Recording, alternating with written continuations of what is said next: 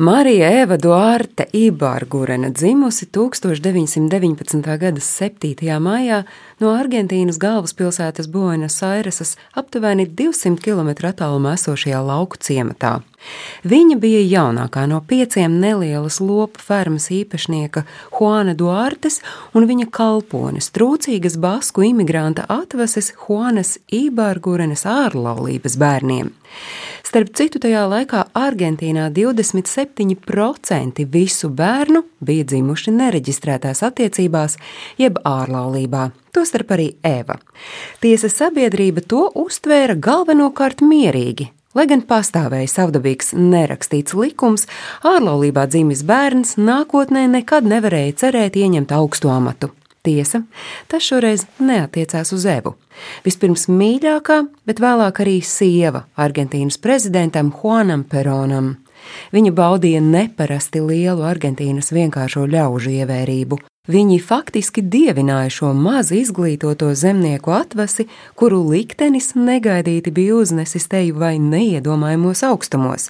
Viņas slavu varēja pielīdzināt tai, kādu ASV savulaik baudīja Marilina Monroe.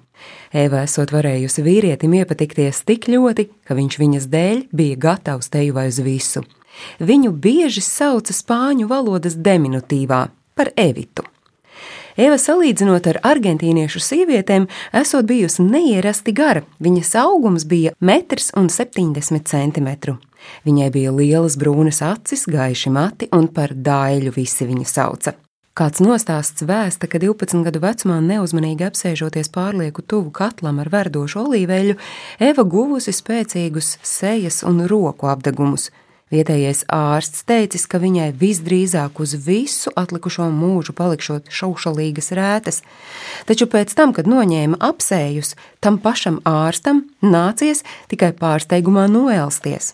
Evas seja un rokas bija klātas ar pilnībā gludu ādu un nav bijusi nevis mazākā rētiņa. Evai esot bijis ļoti sarežģīts raksturs. Viņa varējusi būt apburoša un pievilcīga, bet vienlaikus arī ļaunatminīga un atriebīga. Viņa allaž apzināti tiekusies pēc bagātības un varas. Kad agrā jaunībā Eva aizmuka no mājām un nokļuva Buenas Airesā, nepilnīgā izglītība, provinciālās manieres un izteiktais laucinieku akcents sākumā viņai ļoti traucējis, taču viņa vēlāk kļuva par aktrisi un strādāja arī radio. Savu nākamo vīru, Juanu Peronu, viņa satika 1944. gada 22. janvārī kādā labdarības pasākumā. Toreiz Evai bija 24 gadi, bet Juanam 48. Eva iepazīšanos ar Peronu dēvēja par brīnumdienu, kas kļuvusi par viņas īsto dzīvi. Eva pameta aktrises darbu, pakāpeniski iekļaujoties Juana Perona politisko cīņu biedru lokā. Sākotnēji viņai nebija liela loma, taču jau ļoti drīz viņa kļuva aizvien pamanāmāka. Perons veiksmīgi iesaistīja Evu politiskajā cīņā. Viņam šķita, ka tas sola panākumus, ja līdzās prezidenta amata kandidātam ir sieva, kura iemieso sievietes lomu modernajā pasaulē. Abi apprecējās 1945. gada 21. oktobrī, bet vēl pēc dažiem mēnešiem 1946. gada februāra prezidenta vēlēšanās Juans Perons izcīnīja pārliecinošu uzvaru. Savukārt Eva kļuva par valsts pirmo lēdiju.